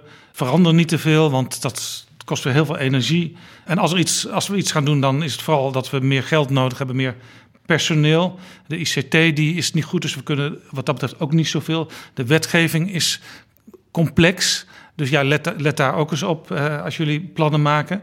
Heeft u de brief gelezen? Wat vond u ervan? Ik, uh, alles wat erin staat is, is, is, is juist. Alleen het is nou voor mij wel een beetje de vraag of dit nou erg uitdagend is wat er wordt neergezet. Um, het, het sta, verander dit niet, verander dat niet. Ook een beetje klagen. Uh, ik, ik vond het. Um, ja, dat, dat is logisch als SG dat je zegt, nou, uh, ga geen nieuw departement maken, allemaal gedoe, et cetera. Ja, dat, dat is allemaal waar. Maar ik weet nog niet of dit de, de meest invloedrijke brief zal zijn die de informateur zal bereiken. Waarschijnlijk denkt Cenk Willink, dit soort brieven ken ik wel. Ja, en u zal het er ook nog grotendeels mee eens zijn, maar dat betekent nog niet dat er een regeerakkoord terechtkomt. En dat er geld te weinig is, dat is natuurlijk, dat vind ik zelf wel een punt. Wat zeker ook in de huidige discussie over de uitvoering van beleid, et cetera. Ja, het, het, het, is vaak zo dat, dat zeker die grote diensten uh, soms geconfronteerd worden met totaal onverwachte bezuinigingen. En soms ook niet adequaat gefinancierd worden. Als we het nou hebben over verbetering van de Rijksdienst en zo, dan zou ik dan. Ik zeg helemaal niet dat je nooit moet bezuinigen. Dat kan soms heel nuttig zijn. Ook incentive voor de leiding om, om weer alles tegen het licht te houden. Maar je moet wel reëel zijn. En het moet wel een, een meerjarig iets zijn. Hele grote projecten. Kijk, de, de, de, de looptijd van een kabinet is vier jaar. En hele grote projecten hebben doorgaans een andere looptijd. Ja. Namelijk oh. één die veel langer is. Ja, u, later was u uh, betrokken bij onder andere de AIVD. Daar is op een gegeven moment fors op bezuinigd. En een aantal jaren later moest er weer flink uitgebreid worden. Die AIVD-bezuiniging die kwam volstrekt uit, uit het niets. Die, de, en dat was een zeer forse bezuiniging. Ik, ik weet nog wel, ik heb dat toen met hoofd AIVD nog over gehad. En hem voorspeld. Uh, je zult zien dat uh, als jij je hele organisatie op de kop hebt staan met reorganisaties en ontslagen, krijg je er opeens geld bij. En wat denkt u dat er gebeurt? De hele organisatie stond op de kop en ik kreeg er geld bij. Zo kun je natuurlijk geen dienst runnen. En zeker niet een AIVD, die, die toch ook nog wat mensen in dienst heeft die uh, wel enige tijd nodig hebben voor ze ingewerkt zijn dan wel voor dat anderen aan hen gewend zijn. Dat, dat kun je niet op zo'n manier besturen. Dan moet je dus niet verbaasd zijn dat het niet goed gaat. Um, uh, het UWV, uh, daar, daar, heb ik zelf in het begin, konden we vrij fors bezuinigen. Vijf organisaties die hetzelfde deden, die je ineenvlecht. Dan kun je wel flink bezuinigen, is ook gebeurd. Het waren de eerste jaren volgens mij 100, 125 miljoen op jaarbasis. Dus dat was een flink bedrag. Maar dat kon. Uh, maar ik heb ook gezien dat, dat, dat toen het aardig liep, dat onder mijn opvolgers, dat ja, er opeens weer een forse bezuiniging kwam. En vaak toch niet heel erg met, met motivering omgeven. Natuurlijk, nou, nou weet ik wel, iedereen vraagt altijd meer geld. Maar als je structureel de Rijksdienst wil verbeteren, zul je een helderder financieel kader moeten geven. En nogmaals, je zult ook bij de planning van zaken niet uit kunnen gaan van een looptijd van vier jaar. Vroeger werd aangehouden derde jaar oogstjaar van het kabinet. Ja, maar toen was de maatschappij iets minder complex. Uh, en dat is het nu niet meer. sterker nog, de meeste dingen lopen veel langer door. En misschien bij zo'n helder kader hoort ook dat je zegt er is zoveel financiële ruimte. We zitten in een hele grote, ook economische crisis. Niet alles kan en niet alles kan tegelijk. Dus een aantal dingen dat je zegt de komende 10, 15 jaar is er niet genoeg geld voor die en die en die mogelijkheden. Soms moet je dat soort dingen ook maar eens eerlijk zeggen. Dat, dat is niks op tegen, maar dan moet je daar inderdaad wel helder in zijn. En dan moet je niet vervolgens in de Kamer uh, gaan toezeggen dat het allemaal wel geregeld wordt. Uh, dat is, dat, dat, dat, daar, daar gaat voor een deel gaat daar eh, zeg maar de, de, de, de, de Rijksdienst mank aan. Dat, dat het onvoldoende inkadering is van wat, wat kan men nu gaan doen, wat moet men gaan doen. Wat me opviel in die brief van de SG's is, zij schrijven... de dynamiek tussen kabinet, Kamerleden en ambtenaren is verruwd. Als je dat constateert, wat zou dan het begin van een oplossing kunnen zijn? Ook vanuit de ambtenarij bekeken ik, ik denk zelf dat als iedereen zich weer iets meer als een traditioneel rol houdt, dat dat wel eens enorm zou kunnen helpen. Uh, zoals het nu Doe waar je voor benoemd was. Doen waar je voor benoemd bent. Uh, uh, coalitieoverleg waar ambtelijk later nog moet worden. De, de basis van de besluitvorming moet worden bijbedacht. Dat is niet de volgorde der dingen zoals die staatsrechtelijk voorzien is. Dus wat dat betreft doe ook weer een beetje hè, dat op departementen wordt nagedacht op plannen. En dan ga je daar met de buitenwereld over hebben. En dan besluitvorming op politiek niveau en dan, dan de Tweede Kamer. Dat zou al enorm helpen. Je hoort nu echt van, van, van mensen die zeggen: ja, dan is in de coalitie wat besloten, vaak met niet zoveel deskundigheid erbij. Ja, dan moet er daarna nog bekeken worden: hoe gaan we het nou eigenlijk doen? Ja, dat werkt niet. Nee, op maandag is er overleg in coalities. Uh, ze zeggen nu allemaal met een vroom hoofd: dat moeten we eigenlijk vanaf. Maar in dat overleg wordt dus vaak iets bedacht en dan wordt de ambtenarij ermee opgezadeld. En dan blijkt later blijkt het toch weer spaak te lopen omdat ja, dat er blijkbaar niet goed over nagedacht is. Dat het toch onvoldoende doordacht is, dan wel dat het niet kan. Dan wel dat het toch een wat, wat, wat broddelig werkstuk wordt. Dit is Betrouwbare Bronnen, een podcast met betrouwbare bronnen.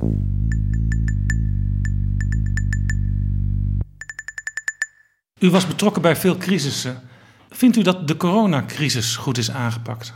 Nou ja, wat ik zeg, en dat geldt voor alle crises, daar heb ik net bij die veterinaire crisis ook wat van gezegd. Uh, vaak, de crisis is er en dat gaan de mensen doen en de instituties doen die er uh, zijn voor het normale. De onderzoeksraad, weet ik, is bezig met de evaluatie van, van ook die eerste periode. En ik zou het interessant vinden om te kijken, zijn er nou modaliteiten geweest? Zijn er nou alternatieven geweest? Of is het, is het gewoon, nou, het RIVM doet dit en, en die doet dat en dat, daarmee gaan we de crisis te lijf. Is, is, is, hè? Soms zijn er mensen bij betrokken die op een gegeven moment ook weer weg waren. Dat, dat vind ik wel interessante vraagstukken om ja, te leren van hoe is dat nou gelopen.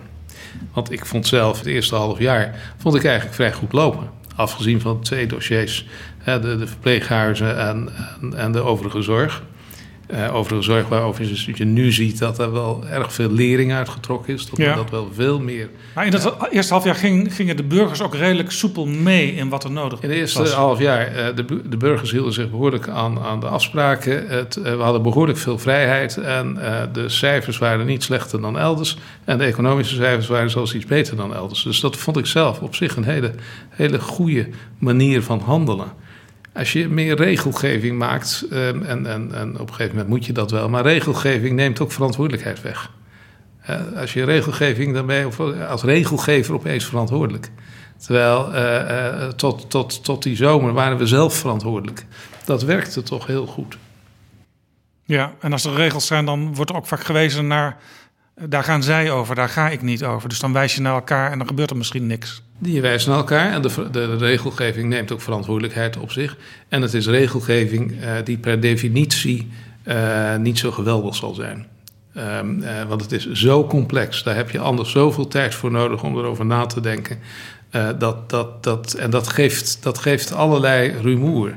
Kijk, mij heeft het verbaasd op het moment dat niet-essentiële winkels uh, uh, werden gesloten. Dat een hele discussie was: wat is nou een niet-essentiële winkel?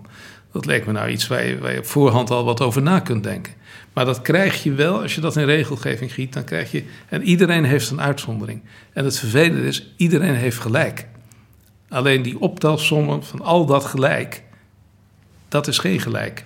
En dat is het, het lastige. Tuurlijk, de horeca, iedereen heeft gelijk vanuit zijn optiek. Maar ik vind dat, dat, dat de minister-president terecht zei: van, ja, maar als ik het allemaal optel, dan bestrijden we het virus niet. Een heel andere recente zaak, uh, een affaire, is het kinderopvangtoeslag. Schandaal. Een tijdje geleden hadden we Roel Becker te gast, oud topambtenaar. En toen werd er aangifte gedaan door financiën tegen de eigen belastingdienst.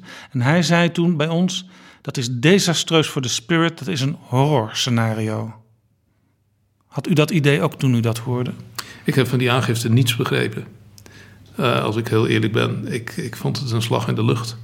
Uh, het is ook op niets uitgelopen. Het is ook op niets uit, maar ik vond het heel merkwaardig, moet ik zeggen. Ik, dat, dat, dat, dat lijkt me niet dat we dat in het handboek voor uh, de nieuwe bewindslieden moeten opnemen als een erg werkzaam managementinstrument.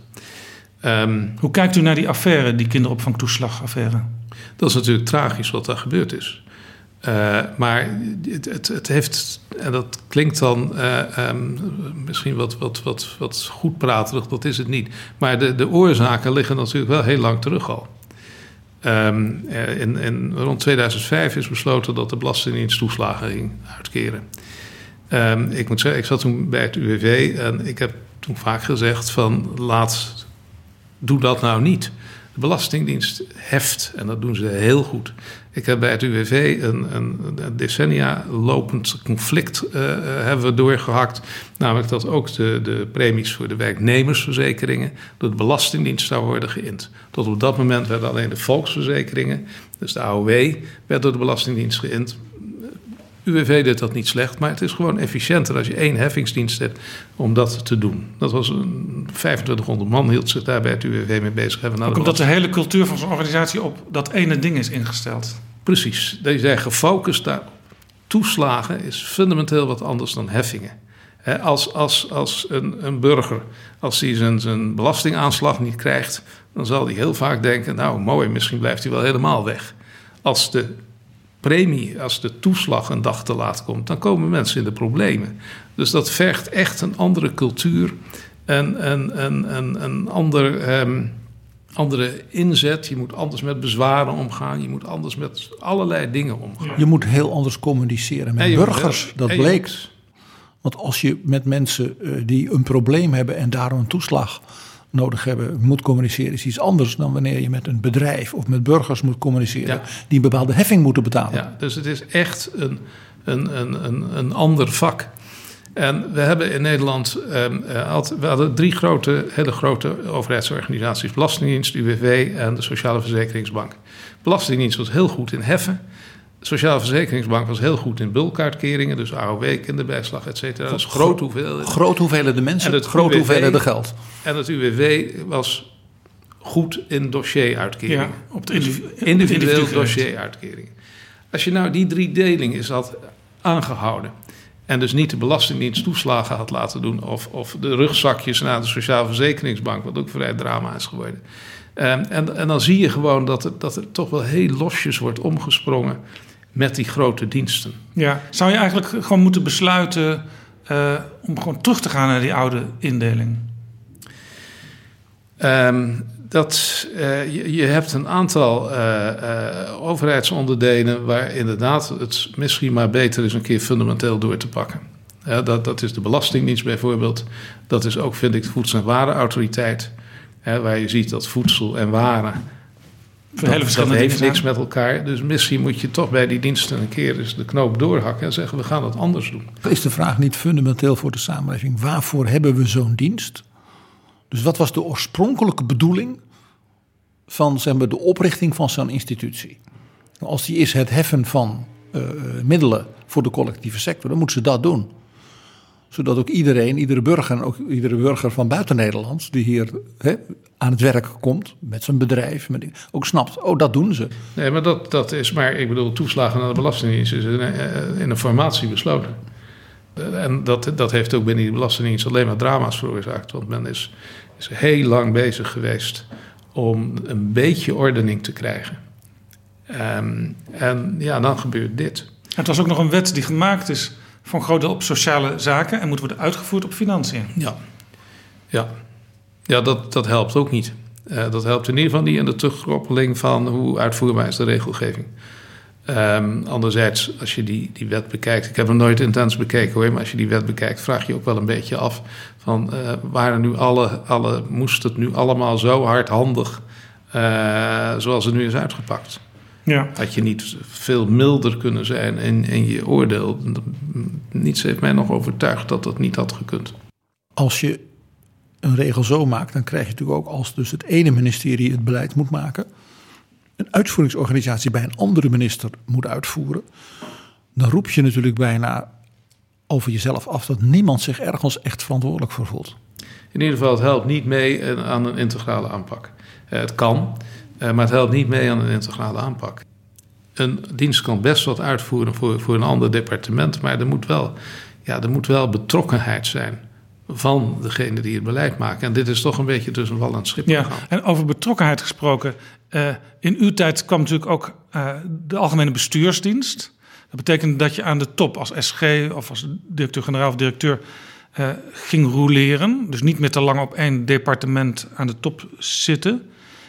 U bent 14 jaar SG geweest en daarvoor ook nog plaatsvangend SG. Dus een hele, hele andere verhouding was dat. Ja, en uh, de, de, de, algemene bestuursdienst was ontzettend blij dat ik eindelijk ophoepelde. Want ik was een vervelend precedent voor iedereen. Omdat ik al wat langer zat. 14 jaar is een behoorlijke U was tijd. een voorbeeld van hoe het niet moest. Ik was een voorbeeld van hoe het niet moest. En dat ben ik ook graag, dus dat maakt mij niet uit. Um, ik vind, uh, er was wel reden om, om, om een zekere wisseling hier en daar te doen. Er waren soms wel erg koninkrijkjes gevormd, dus dat was op zich wel goed.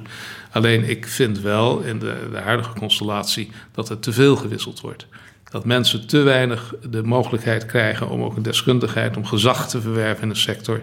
Want je kunt wel zeggen vijf of zeven jaar, maar mensen denken eerder na.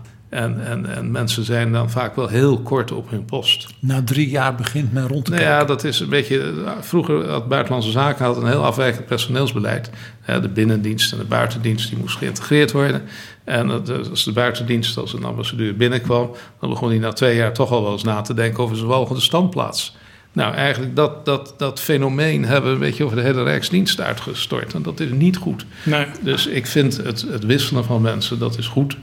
Uh, ik zou iemand niet aanraden 14 jaar SG te blijven. Maar goed, dat kwam ook dat de laatste vijf jaar daarvan eigenlijk een permanente crisissituatie uh, behelsde. Um, um, uh, maar je moet wel mensen de gelegenheid geven gezag op te bouwen.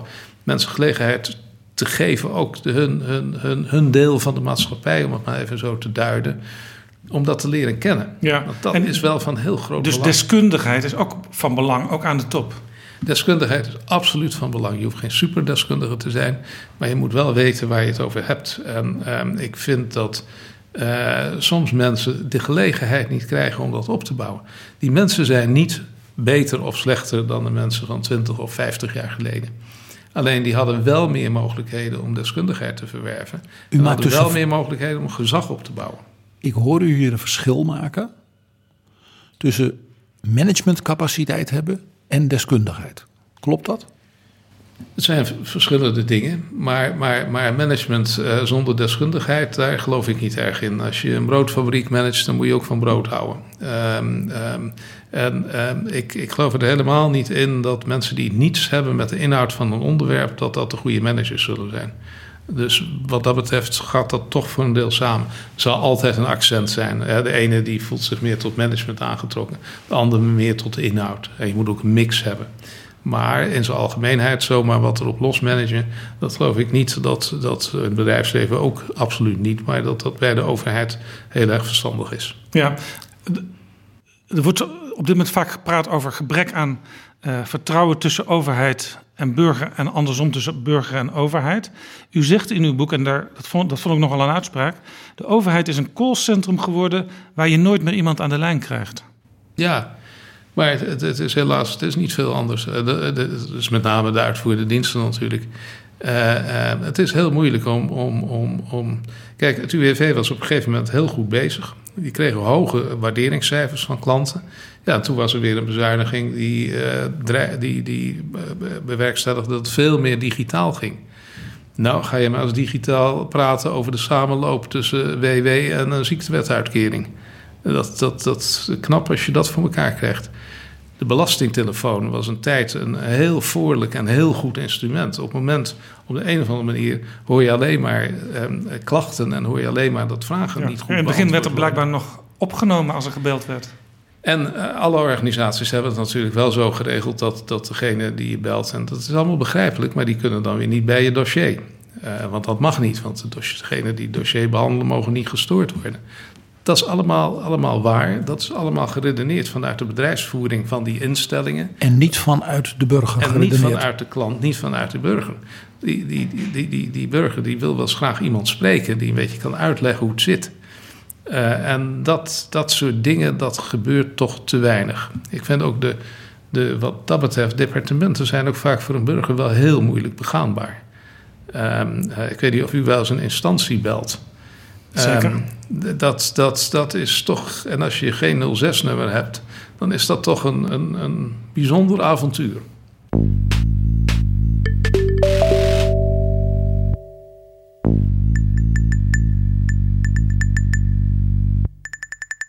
U zei eerder in dit gesprek: het zou al heel veel helpen als ambtenaren, ministers, Kamerleden weer wat meer naar hun rol gaan leven.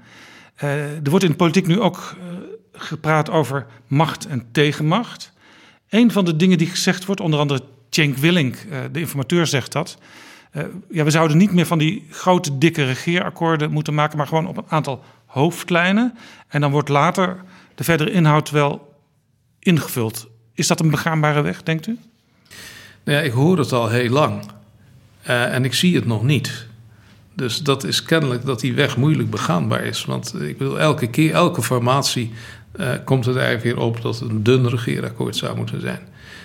Um, uh, ik zou daar persoonlijk voor zijn, maar kennelijk is het moeilijker tot stand te brengen. En het, het, het, aardige is natuurlijk dat we hebben ooit bij een van de kabinetten Lubbers, was ook een heel mooi regeerakkoord. Toen veranderden opeens de economische cijfers. Nee, na drie maanden kon het hele regeerakkoord weggegooid worden. Het kabinet Lubbers 3 was dat. dat. had men zelfs een tuba, een tussenbalans aangekondigd om de, te actualiseren. Toen ontstond er een conflict binnen het kabinet over het naar voren halen van die tussenbalans, omdat al die cijfers helemaal anders waren door een plotselinge recessie. Ja, dus in die zin kon toen na drie maanden kon het regeerakkoord eigenlijk al bij het papier. Dat kon de volgende dag al, want de dag na het aantreden van het kabinet viel de Berlijnse muur. Dus de hele wereld en Europa en ook de economische omstandigheden waren volledig veranderd.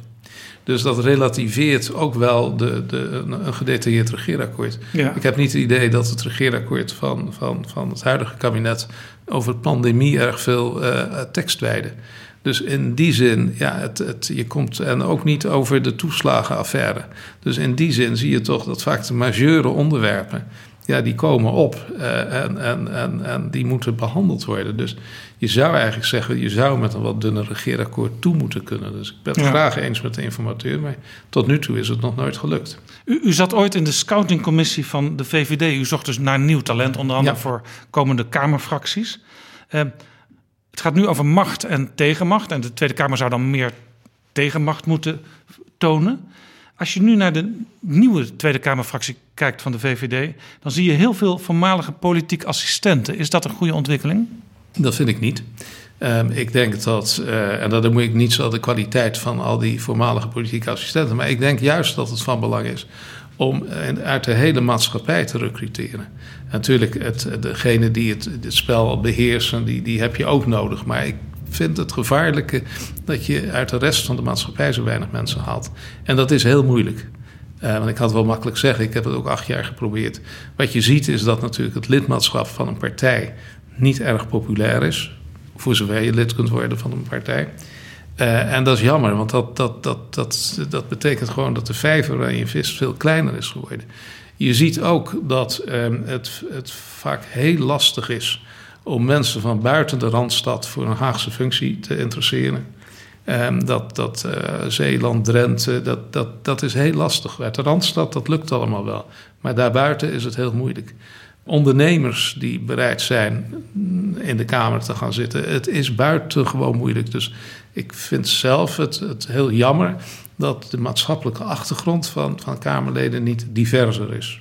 Nog even over um, uw functie Nationaal Coördinator Terrorismebestrijding. Waarom moest die, die functie ooit er komen? Er was toch al de AIVD, er was toch al de MIVD? Ja, maar dat zijn inlichtingendiensten. En de, de, de Nationaal Coördinator is geen inlichtingendienst. Dat die functie er moest komen. Ik ben eigenlijk door, door Piet Hein Donner gevraagd om eens te kijken naar de organisatiestructuur van de terrorismebestrijding. Er zijn, er zijn namelijk heel veel diensten in Nederland die allemaal deden die een stukje terrorismebestrijding, de AIVD, de MIVD, maar ook de politie, ook de IND. Ehm, eh, maar er was eigenlijk weinig samenhang in. Nadat ik bij het UWV was weggegaan, uh, toen, toen belde uh, Piet Hein Donder en die zei van... ga eens kijken, hoe kunnen we dat wat anders organiseren? Uh, en ja, toen is het gegaan zoals het wel vaker gaat. Je doet wat voorstellen, je denkt dus na over een structuur. En dan zegt iedereen, nou ja, misschien niet zo gek. En je hebt het zelf bedacht, dus waarom ga je het ook niet doen? en zo ben ik, ben ik uiteindelijk Nationaal Coördinator Terrorismebestrijding geworden. Ik zei in die tijd altijd, ik ben nooit benoemd, ik ben ontstaan. en dat was ook wel een beetje zo. Um, wat anders dan een inlichtingendienst. Het was een bestuurlijke dienst. Uh, een bestuurlijke dienst die overigens ook 100% onder de ministeriële verantwoordelijkheid viel.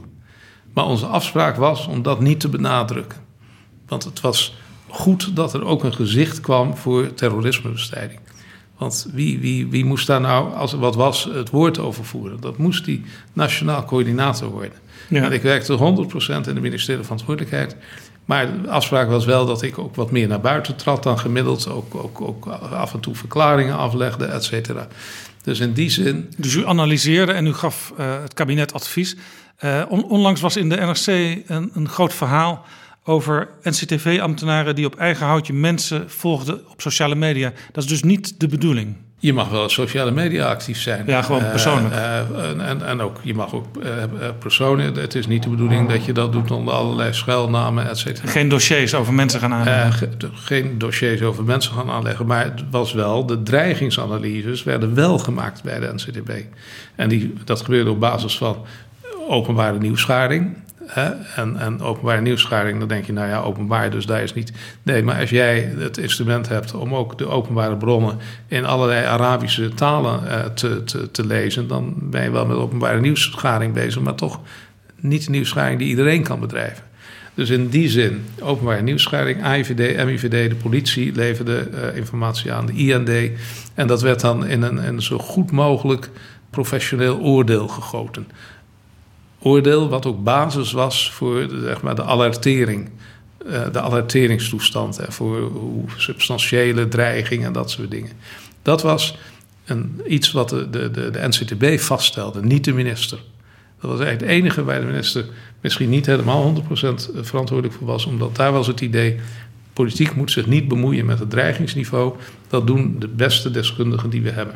En het was, als ik u goed begrijp, een integrale benadering. Het was niet de politie riep iets, de IVD riep iets. Benadering. Men bracht het bij elkaar en dan zag men misschien ook wel witte vlekken tussen die verschillende ja. signalen. Dat kan, ja, dat gebeurde zeker. Ja. En dat, daar ben ik toen mee begonnen. En dat werkt nog altijd op, op, op deze ja. manier. Toen, toen u nauwelijks begonnen was, toen vond de, de aanslag, de moord op Theo van Gogh plaats. Eh, in die tijd zat u op een gegeven moment te vergaderen en toen kreeg u bericht dat in Groningen een aanslag zou zijn gepleegd op uh, Johan Remkes, die toen de minister van Binnenlandse Zaken was. En even later stapte Johan Remkes niets vermoedend het zaaltje binnen. Wat gebeurde daar? Nou ja, ik heb het voorbeeld genoemd omdat het aangeeft dat in crisissituaties moet je erg oppassen met niet gevalideerde informatie. He, tegenwoordig iedereen zit natuurlijk met telefoons en dan roept er weer iemand: ja, maar ik heb nu gehoord et cetera. Bij het crisiscentrum heeft men zeer terecht, toen dat uh, nieuw werd opgezet, daar had de AIVD een kamer, daar had de politie een kamer, iedereen een kamer en daar komt de informatie binnen.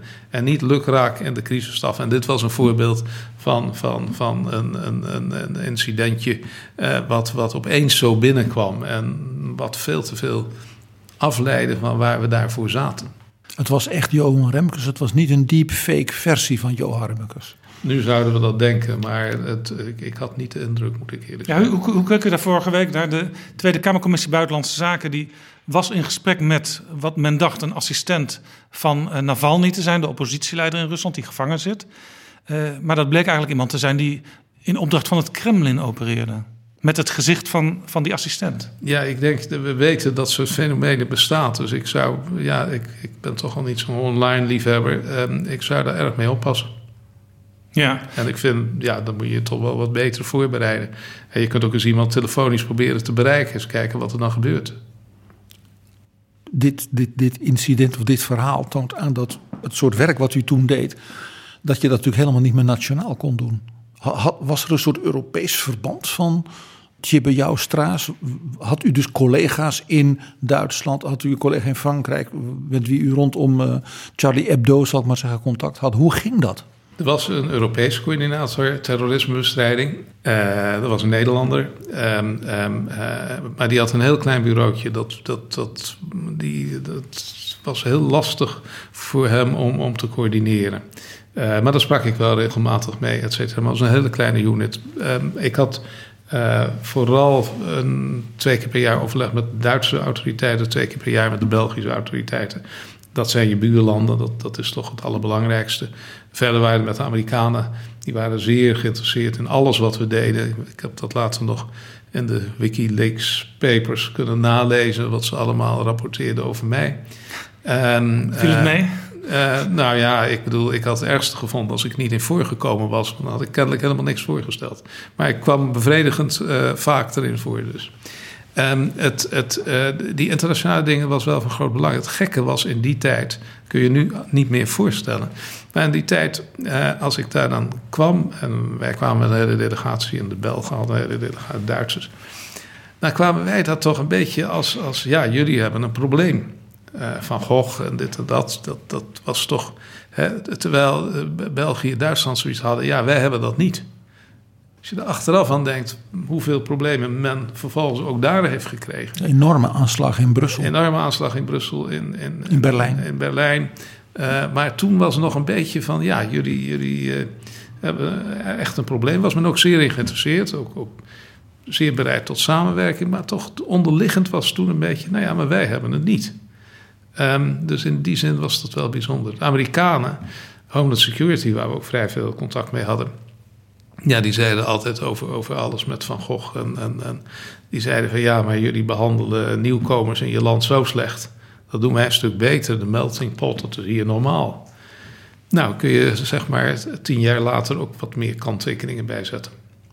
Dus dus ook heel sterk zeg maar, cultureel en historisch bepaald hoe mensen ernaar kijken. Ja.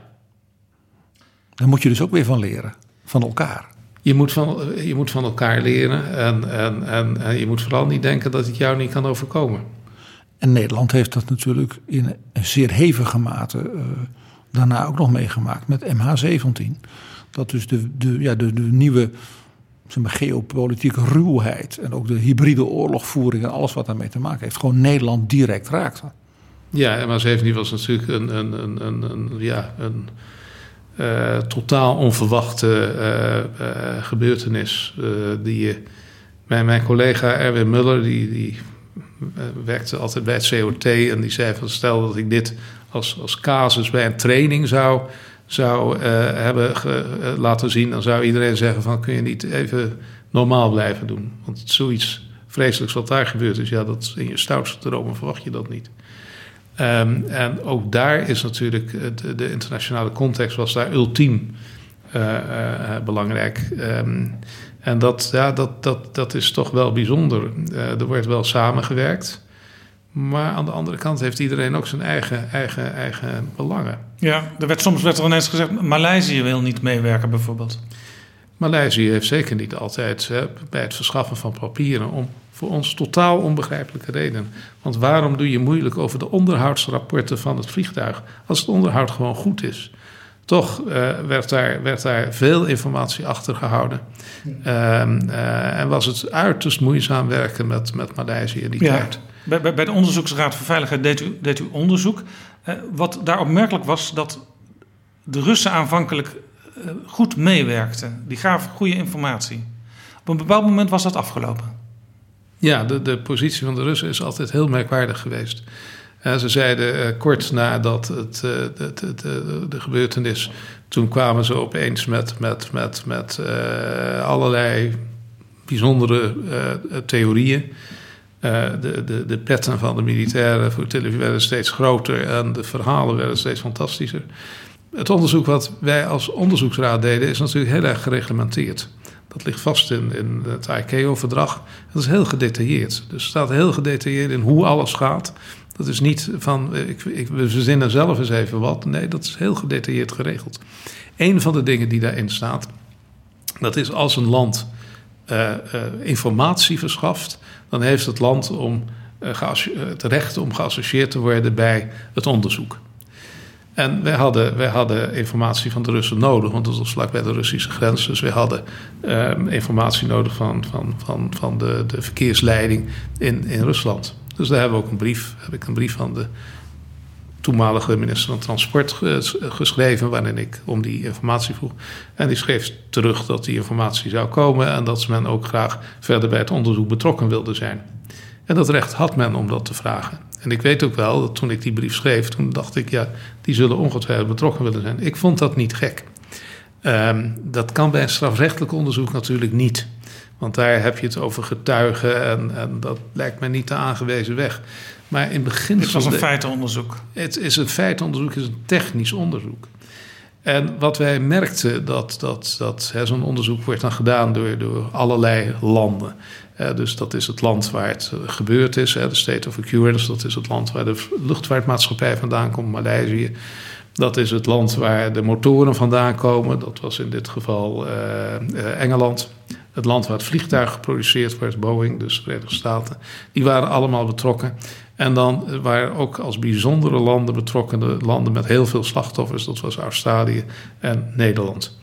En eigenlijk had Oekraïne, het land waar het gebeurd was, had het onderzoek moeten trekken. Maar die waren daar weinig voor geëquipeerd. Want het luchtruim is heel lang vanuit Moskou gebeurd. Was nog maar net over eigenlijk aan de Oekraïne. Uh, dus ook de ICAO, de, de, internationale organisatie, zegt: nemen jullie dat op je? Dus dat hebben we gedaan. En dan vindt zo'n onderzoek dus plaats door al die deskundigen die uit die landen komen.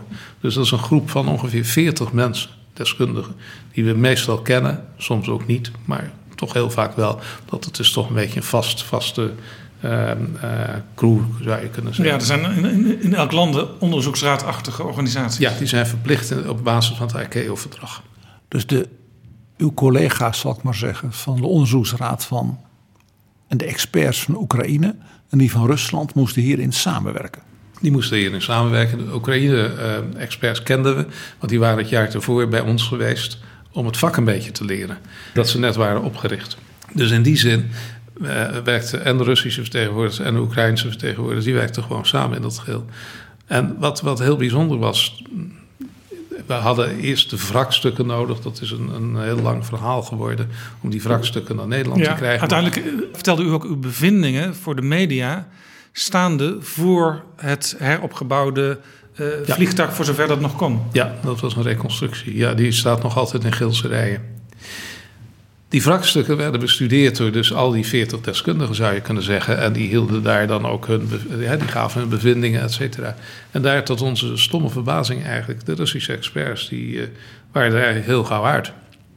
Uh, die hadden het over een boek en die hadden het over allerlei dingen. En die gaven de tweede sessie een, een presentatie, ze waren met zeven, acht mensen. Een presentatie waarin ze eigenlijk al duiden welk type raket het was. Zover waren wij helemaal nog niet. En de derde bijeenkomst zeiden ze dat. De, de, de, wat ze de tweede bijeenkomst hadden gezegd, dat dat natuurlijk een volstrekt theoretisch voorbeeld was. Dat het zo ook helemaal niet gelopen was. Uh, zodat we dat min of meer als niet beschouwd moesten, moesten uh, dus aanrekenen. Als een blad aan de boom? Als een blad aan de boom, ja. Uh, dat zat volgens mij met name in het punt waar mensen op deskundige niveau. Dus we hebben prima deskundigen. En die deden gewoon hun best om de zaken op deskundige wijze te doen. Alleen, ik, ik, ik, mijn inschatting is altijd geweest dat men op een gegeven moment op, op hoger bureaucratisch niveau doorkreeg wat er speelde. En toen draaide het eigenlijk als een blad aan de boom om. Toen dus vanuit de deskundige duidelijk was, het was zo'n raket, was de gedachtenis ook snel te herleiden van wie die raket was en wie daar de baas van was ook helder. En dat daar had men geen behoefte aan. Dat kun je, kun je vrij makkelijk allemaal uh, bepalen. Of vrij makkelijk, maar dat kun je allemaal bepalen, ja. ja. Dus dat was een politieke beslissing. Ik denk dat allerlei mensen op hoger niveau zich ermee zijn gaan bemoeien en hebben gezegd van ja, maar dat, uh, op deze manier gaan we daar niet uh, in. Nee, ik denk achteraf dat men beter van begin af aan eerlijk had kunnen zijn. dat had minder schade opgeleverd, denk ik, voor de Russische Federatie dan zoals het nu gaat. Nog even één, één laatste vraag over de NCTB-periode. u was toen ook verantwoordelijk voor de beveiliging van een aantal mensen, onder, onder andere uh, Geert Wilders. Maar u ging natuurlijk ook over de veiligheidsanalyse in het algemeen. Toen kwam op een gegeven moment die film uh, Fitna van Geert Wilders.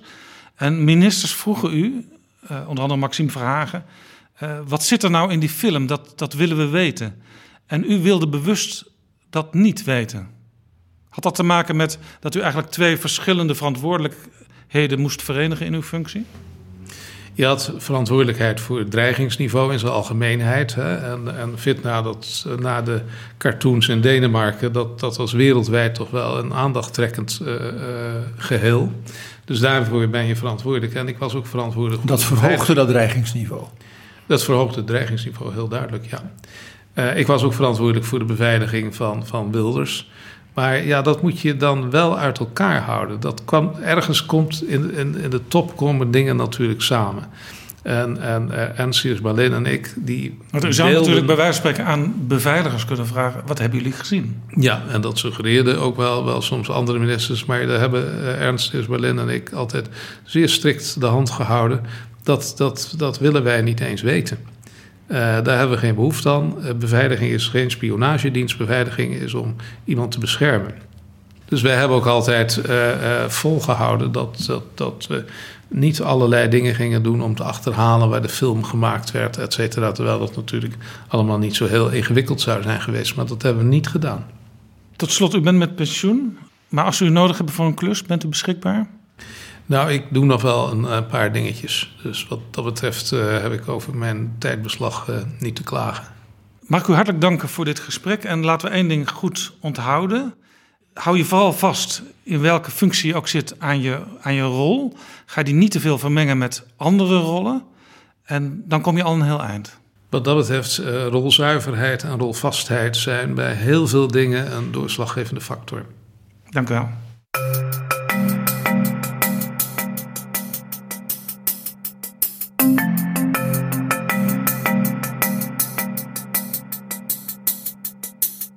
Zo, dit was Betrouwbare Bronnen, aflevering 186. Chibi Joustra is niet de eerste topambtenaar of voormalige topambtenaar die bij ons te gast is. Een aantal is hem voorgegaan. In de beschrijving van deze show vind je links naar die afleveringen. Deze aflevering is mede mogelijk gemaakt door vrienden van de show. Luisteraars die ons steunen met een donatie. Wil jij ons ook helpen? Ga naar vriendvandeshow.nl slash bb. Tot volgende keer. Betrouwbare bronnen wordt gemaakt door Jaap Jansen in samenwerking met dag en nacht.nl.